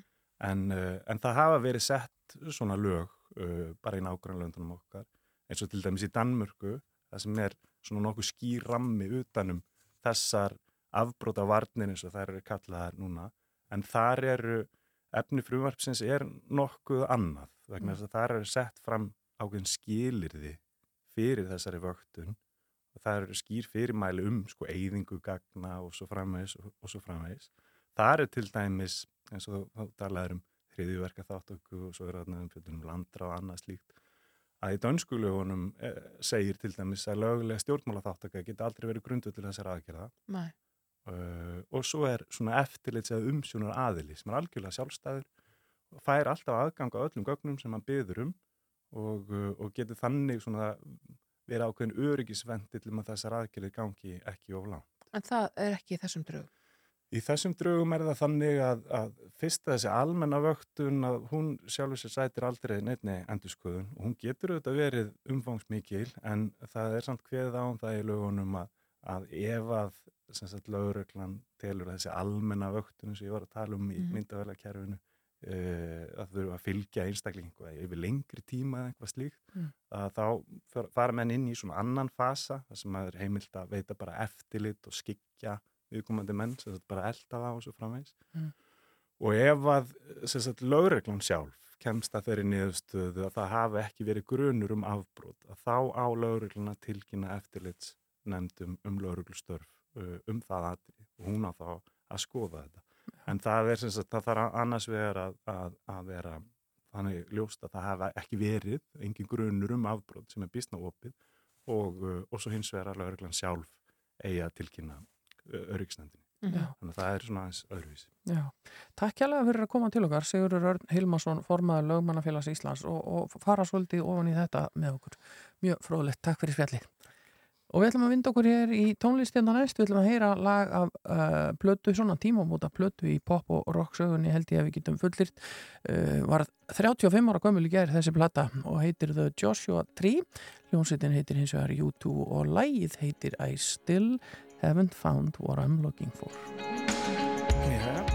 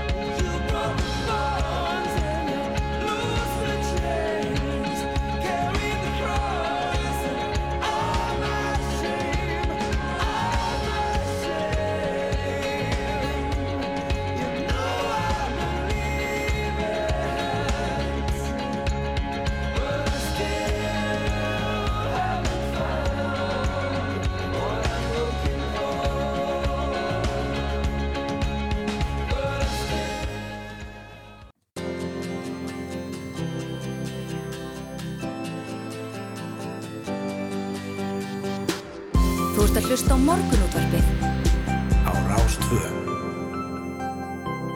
Já, þarna heyrðum við frétta yfirleitt frá fréttastofu næsti stóri fréttatími er klukkan nýju en þú heyrðir þetta snærós þá kólna aftur um helgina. Já, jésu.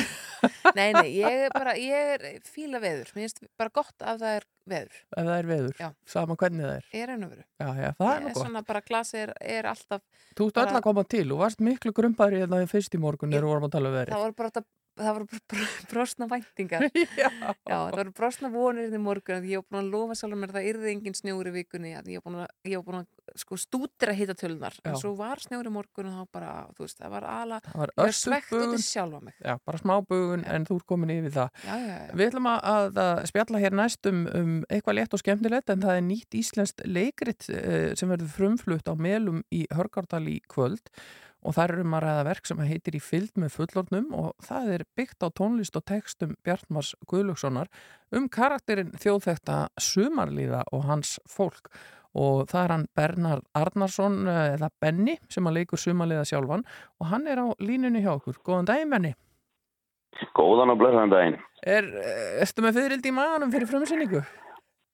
Já, já, það er alltaf smá fyririldi í maðunum, en það er nöðsynlegt. Það er bara, bara skemmtilegt. Við vorum með generalpröfu í glær sem hafa gett bara svona eins og maður vill að generalpröfu á gangi og það voru bara allir á tánum og klárar í kvöldi, sko. Já. Er, er öflutt leik uh, húslíf þarna í Hörgárdalum? Það er það og búið að vera það í bara marga, marga ára tíi í rauninni og þarna leikfélag Hörgdal er byggt svona á gömlum grunni leikdeildar ungmennafélag sem var þarna í sveitinni og, og það er búin að vera síningar í Hörgárdal bara, það er svona skráða síningar frá síska 1930 Já, þannig að þetta, þetta er alvöru hefð þarna. Já, þetta er alveg hefð og við sínum bara mjög reglulega sínum svona cirka annarkvært ár. Já. það er svona, það er svona hjá okkur.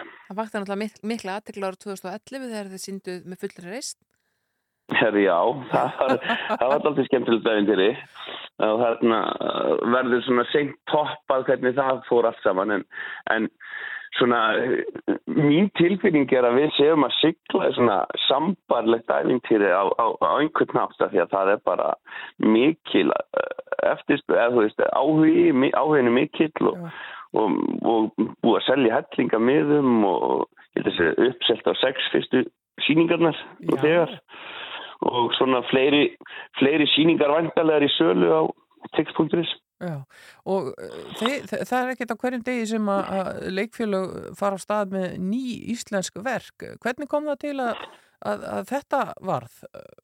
Já, þetta er, er hugmynd sem að Petur Guðjónsson sem skrifa leikritið og, og leikstýrur okkur er búin að ganga með í maðanum já, eitthvað 7-8 ár, ég held að það hef verið sko 2015 sem hann sagði með fyrsta þessar hugmynd og, og hérna svo er það bara búin að vera svona eins og maður segja ganga með þetta on og off í mörg ár og svo kom þetta bara upp núna um áramótina það væri eiginlega bara að fara að skella í þetta. Bjartmar sjálfur afmæli á þessu ári 70 núna setna á þessu ári og, og það væri eiginlega bara nú eða ekki og, og, og náttúrulega þetta blessaða ástand var þess að veiru búin að vera núna undanfæran tvö ár og, og allt svona hálf leiði niðri þannig að það var þeim bara að starta þessu aftur á stað með dalt í sprengju og, og þá kom þetta upp og bara steinláum fyrir þessu.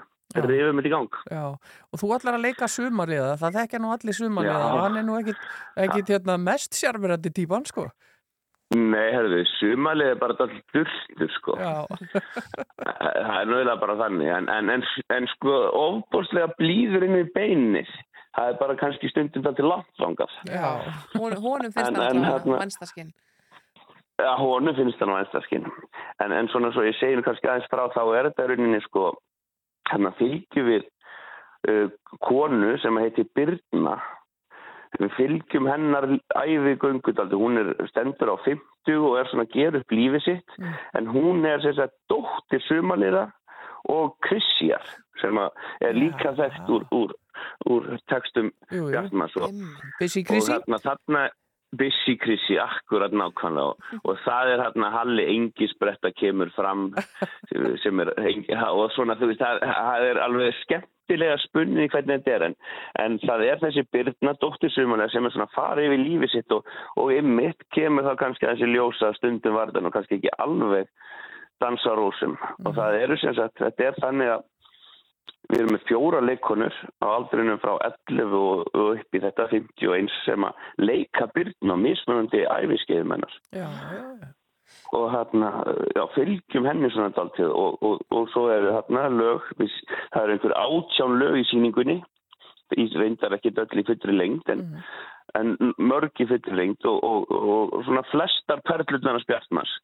Og svo, þó ég hefði nú sko, sé mikill bjartmannsaðarbandi þá voru hérna lög sem ég bara vissi ekki en hafi búið til, alveg gullfalleg og skemmtileg sko. Já, já. En er þá, sko, getur maður svona tekið hennar lífslaup, hennar byrnu í læginu 15 ára föstu eða hvað?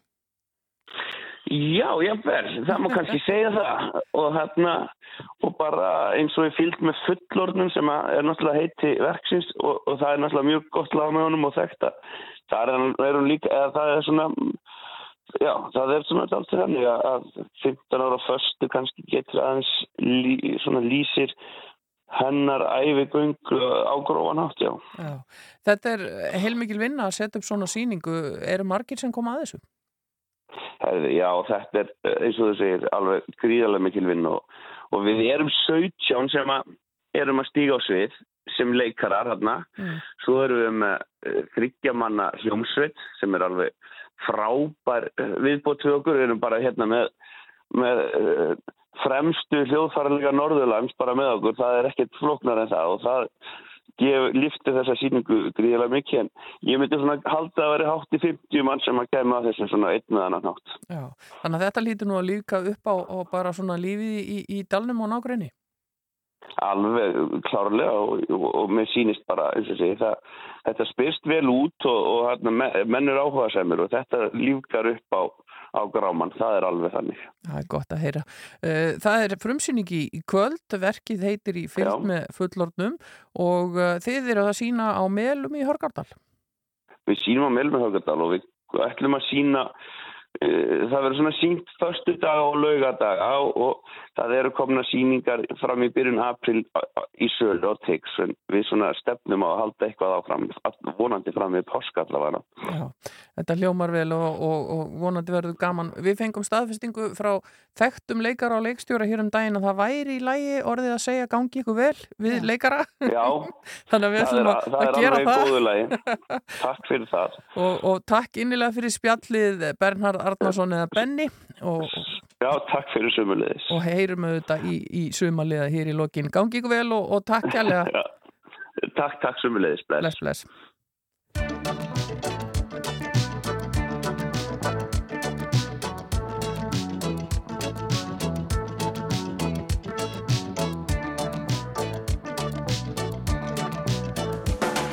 Ég veit allt Ég get allt Geri allt miklu betur en fúll á móti. Ég kann allt Ég skil allt Fíla allt miklu betur en fúll á móti. Smíða skútu, skerpi, skauta Bíl til þrömu, ost og grauta. Haltu kæfti Ég sé allt. Ég má allt Brugga miklu betur heldur en fúll á móti. Ég finn allt. Ég er allt. Er miklu hærri tekur heldur en fúll á móti. Smíða skútu, skerpi, skauta Meika sult og þrömu grauta. Haltu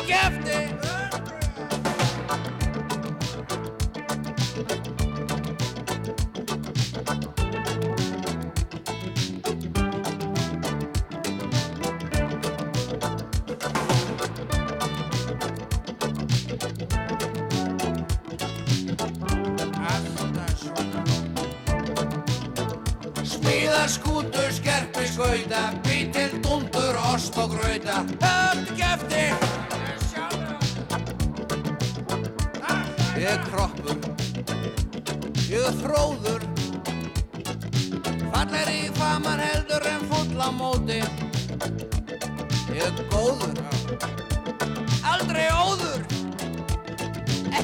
Keppur eins og slappir full á móti Smíða skútu, skerpi, skauta Bítil, dundur, ost og grauta. Hörn, kefti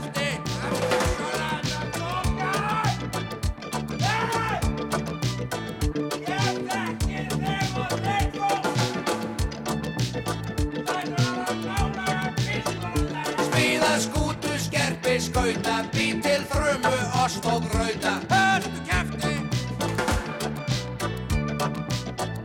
Smíða skútu, skerpi, skauta Bítil, dundur, ost og grauta Hörn, kefti Morgun útvarpið Á Rástfö Já, já, sumarlega alltaf, uh, alltaf okkur dóni, það sem hann er. En, en samkvæmdunum Benna fyrir norðan í Hörgardalum, þá er hann mjúkur inn við bein Já, og, mitt. og, og gestir síningarinnar í fylgd með fullornum munu komast að því. Emitt, jú, jú, það er rétt. En um helgina þá fyrir fram spunaspil á mótið uppbyrðisann, en það er hlutkesti félags spunaspilera sem heldur þetta mót. Hann er kominga til okkar, mótstjórin Kristján Már Gunnarsson, verður velkomin. Já, takk fyrir. Segð okkur, sko, byrjum bara, byrjum bara fyrir það sem að ekkert að vita. Já. Spunaspil, hvað er það? Spunaspil er uh, alveg frábært aðtæfi þar sem að þú og og oftast vinirinnir hittast og annarkvort í rafimu með í raunheimum uh, bú, hérna, búa til uh, hetjur og personur, kasta teningum og þykist drepa orka. Já, það verður að vera orkar eða hvað? Nei, það, þú þarft ekki eins og að vera að drepa neitt sko. Nei. En það er svona, eh, hvað maður að segja, beinast á og mest lýsandi lýsingin, lýsingin á því. Já. Þú setur því í spór eh, ímyndara personu og, eh, og svo ákveðna reglur yfir hlutina, hlutina sem, sem getur gert eða getur ekki gert og svo er stjórnandi sem að hérna, býr til ævintýri og segir hvort, hvort og hvernig þér tókst að gera hlutina og, og vindur söguna áfram. Emmitt. Sko, þetta er svona frægustu spunaspilin, það er svona Dungeons and, Dungeons and Dragons og eitthvað svona, það ekki? Jú. Og, og hvernig fer það svona mót fram? Getur maður unnið? Nei, þetta Nei. er sko eh, einalega, þá sá vinnur í spunaspilum sem skemmti sér mest. Ok.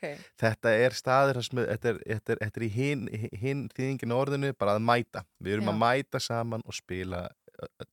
Mm. Og svona spunaspilamót eru bara frábær vettvengur að til þess að byrja af því að stjórnendur tilbúinir með ævintýri og Já. personur og allt saman og tekur fjóra tíma og þeir kenta og allt saman ef, ef, ef það þarf og þú veist bara allir rosalega til í að bara skemmta sér uh, og til þess að fyrir svona reynslubolta prófa nýja hluti er, þetta er svona staðurna sem að, hérna, það sem að fólk getur prófað í, hérna, í kerfi sem það hefur ekki notað það því að það eru til mörg, mörg, mörg kerfi Mm. þannig sem þetta er eitthvað svona klálega vinsalasta og af góður ástæði en svo eru til svona önnur, maður að segja, svolítið skrítinkerfi allir með seitt kerfi sem að, sem að, sem að leikur björn og það eru tvær, það eru tveir eiginleikar það er hversu mikið ofbeldið þú getur notað og hversu mikið björn þú ert og svo En- kastar það teningi upp á það Já.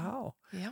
En er þetta þá, sko ég sé þetta svolítið fyrir mér eins og bara þegar maður var lítill og, og, og tveir, þrýr vinnir settu snuðu saman með, með kallana sína eða dóti sitt skilur og, og sett upp hús og aðstæður og alls konar og svo vorum við bara að leika. Eru, eru þau ekki bara að leika ykkur?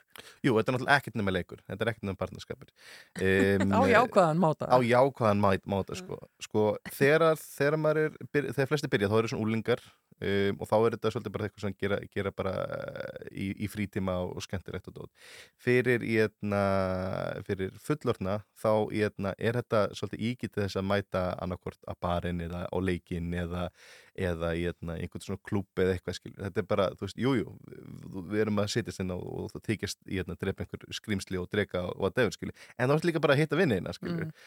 Og, eh, og það er svona, eh, svolítið, eh, svona, svona undistæðan í þessu og það er einmitt sko, þetta er svolítið eh, und, í hérna, einmitt nákvæmlega sem segir að það er einhverjir í hérna, þú veist, lili krakkar að, að leika sér að í hérna, þykastur kall, krakkar eh, einhver kallar og hetjur og þá bara eru nördarnir búin að búin til reglur um það Já. já, já, þessi getur gert þetta því að hann er með þennan hæfileika, en þessi getur það ekki Já, Einmitt. En sko, þú sagðir að, að, svona mót væru sko kjörin fyrir nýliða til þess að koma að prófa Já. auðvitað við, já, öll önnur móta því að sem ma- maður þarf að kunna. En er alveg þólmaði fyrir því að gæti ég komið sem veit ekki neitt og hérna, þú veist, mín svona grundvallar þekkingar æfuntur með bara Harry Potter og Lord of the Rings og, og þar við situr myndi mér vera mætt með þólmaði og, og myndi eitthvað langa til að leika mig og ég kann ekki. Það er frábær grundvallar þekking það Já. er bara, það, er, það eina sem þarf til þess að spila spunaspil er áhugi Já. það er raunverulega eina sem þarf þú, í, hérna, getur, þú ert ekki að mæta með neitt þú getur í, hérna, mæta bara staðan sest niður og þú fær hérna, hetju og teninga og, og, og blíjanta Já. allt sem þarf og þú, veist, og þú sér, sér blað og það af tölum. Ég sem stjórnandi segi hvað þessu tölu því svo byrði ég um að kasta, kasta teningi til fyrir eitthvað, ég segi hvað teningi og hvað áhrif í hérna, hérna niðurstæðan hefur. Mhm. og ef þú ert til dæmis í kerfi sem einhver reynslubolti þekkir ekki þá er það nákvæmlega, í nákvæmlega saman bát. Og maður er bara að læra á það sko. svo eru mismunandi flókin kerfi og það eru mismunandi sérst, hérna, sögur sem eru sagðar í gegnum mis, mismunandi kerfi Já. þannig að þetta er sko það er, e, stjórnendur held ég eiginlega allir leiði mér að fullira hafa mjög gaman að því að kynna aðra fyrir e, bara því sem eru að gera af því að þú veist, þetta, þetta er gaman skilur maður vil, maður vil deila þeim með öðrum Já. Þarf maður að eiga eitthvað til þess að byrja í þessu? Eða getur maður mætt og bara verið með einhverjum? ef þú vilt mæta á móti þá ertu ekki að eiga neitt. Já. það var gott að eiga tening, teningasett en það er ekki nöðsett við, við, við erum með teningasett og, og stjórnundur getur komið með það. Og eins og ég, ég ver, keir, mun vera með æfintýr þar sem er bara notið ein tegund en mar, margir tegund mar, margar, eða ein tegund af, te, hérna, eh, teningum en margir af þeim. Þannig að ég kem bara með veist, 30 teninga um, þú þarft raunverulega ekki að hafa neitt til þess að mæta mótið til þess að byrja, segjum að þið myndir bara ákveða að búa til hérna, rástfö hérna, spinnaspil, nákvæmlega. já, Mhm.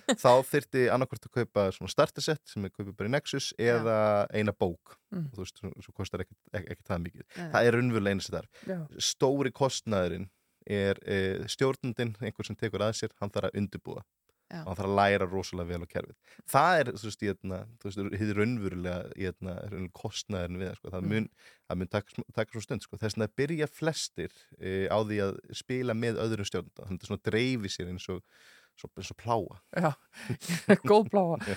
en eh, sko við sjáum, það er auðvitað til þessi stereotypiska uh, manneskja sem spila svona spil Mhm. og við sjáum fyrir okkur eh, svona einhvern nörd eða eitthvað eh, sem er ekki neikvæð hérna merking, það sé ekki. nú tekið sérstaklega fram en, en er alls konar fólk að spila þetta? Hverjir eru þetta? Öllum aldri eða?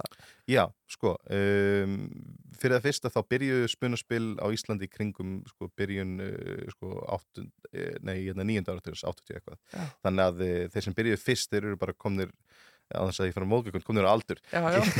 en ég hérna bara með, með uppkomna fjölskyldur og annað sko. Þannig að ég hérna eh, það, þeir eru öllum aldri um, já, þetta hefur lengi vel svona, verið meir og minna stráka hobby, Já. en það er sko rosalega mikið að breytast, ég held sér fimm stjórnundur á mótinu, konur og það er mjög góð þáttaka af hérna, bæði konum og stelpum og öllum aldri á mótinu, á mótinu sjálfu. Og þú veist, þetta er bara eitthvað sem við tökum eftir bara í félaginu sjálfu og í, bara í senunni sko fræðilega, væri hægt að, að hérna, fara í spunaspil sem snýrist ekki um orka og drega Mhm. og eitthvað heldur, snýrist bara um eitthvað svona daglegt líf þannig séð, svona með, þú veist, öllum þeim eitthvað ævintýrum sem daglega lífi geta fyllt Já, 100% þú veist, ég hérna svo ég plugga eins mitt eigið ævintýri til dæmis.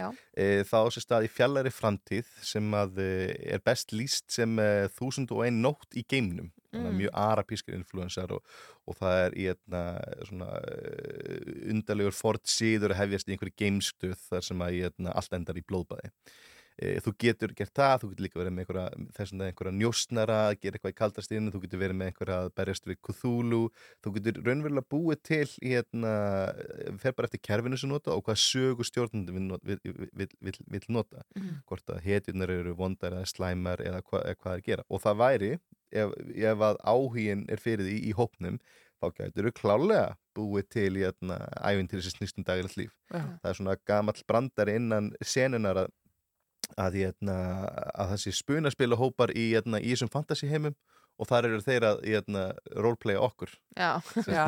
orki að þykjast verið einhver skrifstofukall uh, Svo í lokin, Kristján Már Gunnarsson uh, hvar og hvenar? Herðu, móti er haldið um helgina í, hérna, í tekniskólinum á Hátisveg og uh, Gamla stýrimannaskólanum. já, stý, já, Já. já. Og, í, hérna, og fyrir þá sem vilja, vilja taka þátt eindrið með allan að kynna sér og endilega koma að taka þátt þá er sérst hérna, að fara á hlutkesti.is það er hérna, félagi sem er að halda utan um þetta. Og þar getið séð öll æfintýrin og líka líka við okkur á, á Facebook hlutkesti og bara koma, koma og mætið og prófið. Já, og enginn að vera feimin við það, þið munu taka vel á mót okkur. Já, algjörlega Ok, gott mál. Dok, uh, takk kærlega fyrir kofuna, Kristján Már og takk fyrir að segja ykkur frá spunaspilum og mér langar svo að prófa svona larp. Já, það er annað viðtal. Það er annað Það viðtal. annað viðtal. Takk kærlega fyrir þetta. Takk fyrir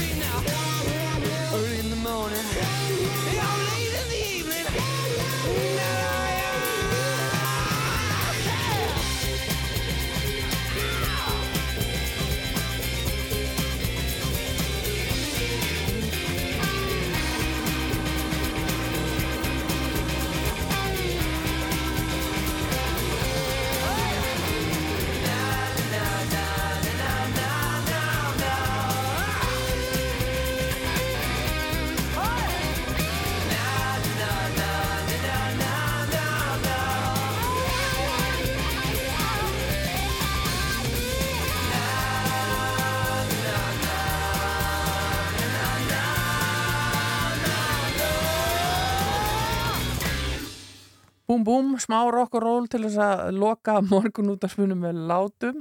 Þetta var uh, enska psychedelic uh, rockbandið Kula Shaker með alveg stór skemmtilega útgáfu af læginu Hush sem að já, margir uh, tengja kannski við Deep Purple en, en ég held að ég sé að fara með rétt mála. Það hefði jafnvel komið út fyrr en uh, hjá Deep Purple og hvort að fyrsta upptakan að þessu lægi og fyrsta útgáfan var ekki bara með gaur sem heitir eða hétt Billy Joe Royal og kom út árið 1967 en er bara þannig með góða músika hún lifir og endist og ég held að sé alveg á þetta að segja að Hush sé lag sem að er gaman að spila en það dag í dag Ég er nefnilega með kenningum svona tökulög. mm. Sum lög eru það góð að það skiptir í raun og veru ekki máli hver tekur þau, þau eru bara alltaf geggjuð. Uh, önnur lög, skust, önnur gó- góð lög eru sko það góð að það er ekki hægt að taka ábröðaðum af því að það verður aldrei eins og orgilan. Já. En þetta kannski fellur í fyrir, fyrirnefnda flokkin. Já, þetta, þetta er góð pæling ég, ég er gaman að spá í þetta eins. En um, rétt að taka það fram, það eru engar gular viðvaranir eða rauðar eða í dag, þannig að þetta er nú ekki svo slæmt og uh, uh, hlínandi veður núna en, en kólnar aftur um helgina eins og við heyrðum hér uh, í fréttum í dag. En framöndan á Rástvöm, morgunverkin með Þórði Helga eftir fréttir klukkan nýju, svo er það Popland eftir háti og sítiðs útarpið og allt eins og það á að vera. Við erum búin að koma víða við í dag, það tekur því nú eiginlega ekki að telja það allt upp, við getum fundið þetta inn á vefnum okkar, rú.is, svona fljótlega þætti loknum, en við fórum yfir allt frá svefni, úlinga, yfir í, í spunaspil og, og laga frumvörp og ég veit ekki hvað og hvað. Já, einmitt, við þakkum bara kærlega fyrir okkur í dag og, og þið yngvar verið hér með hlustundum á morgun. Já, verðum mætt hér fersk í förstutastuði fyrir að málið blessi bili.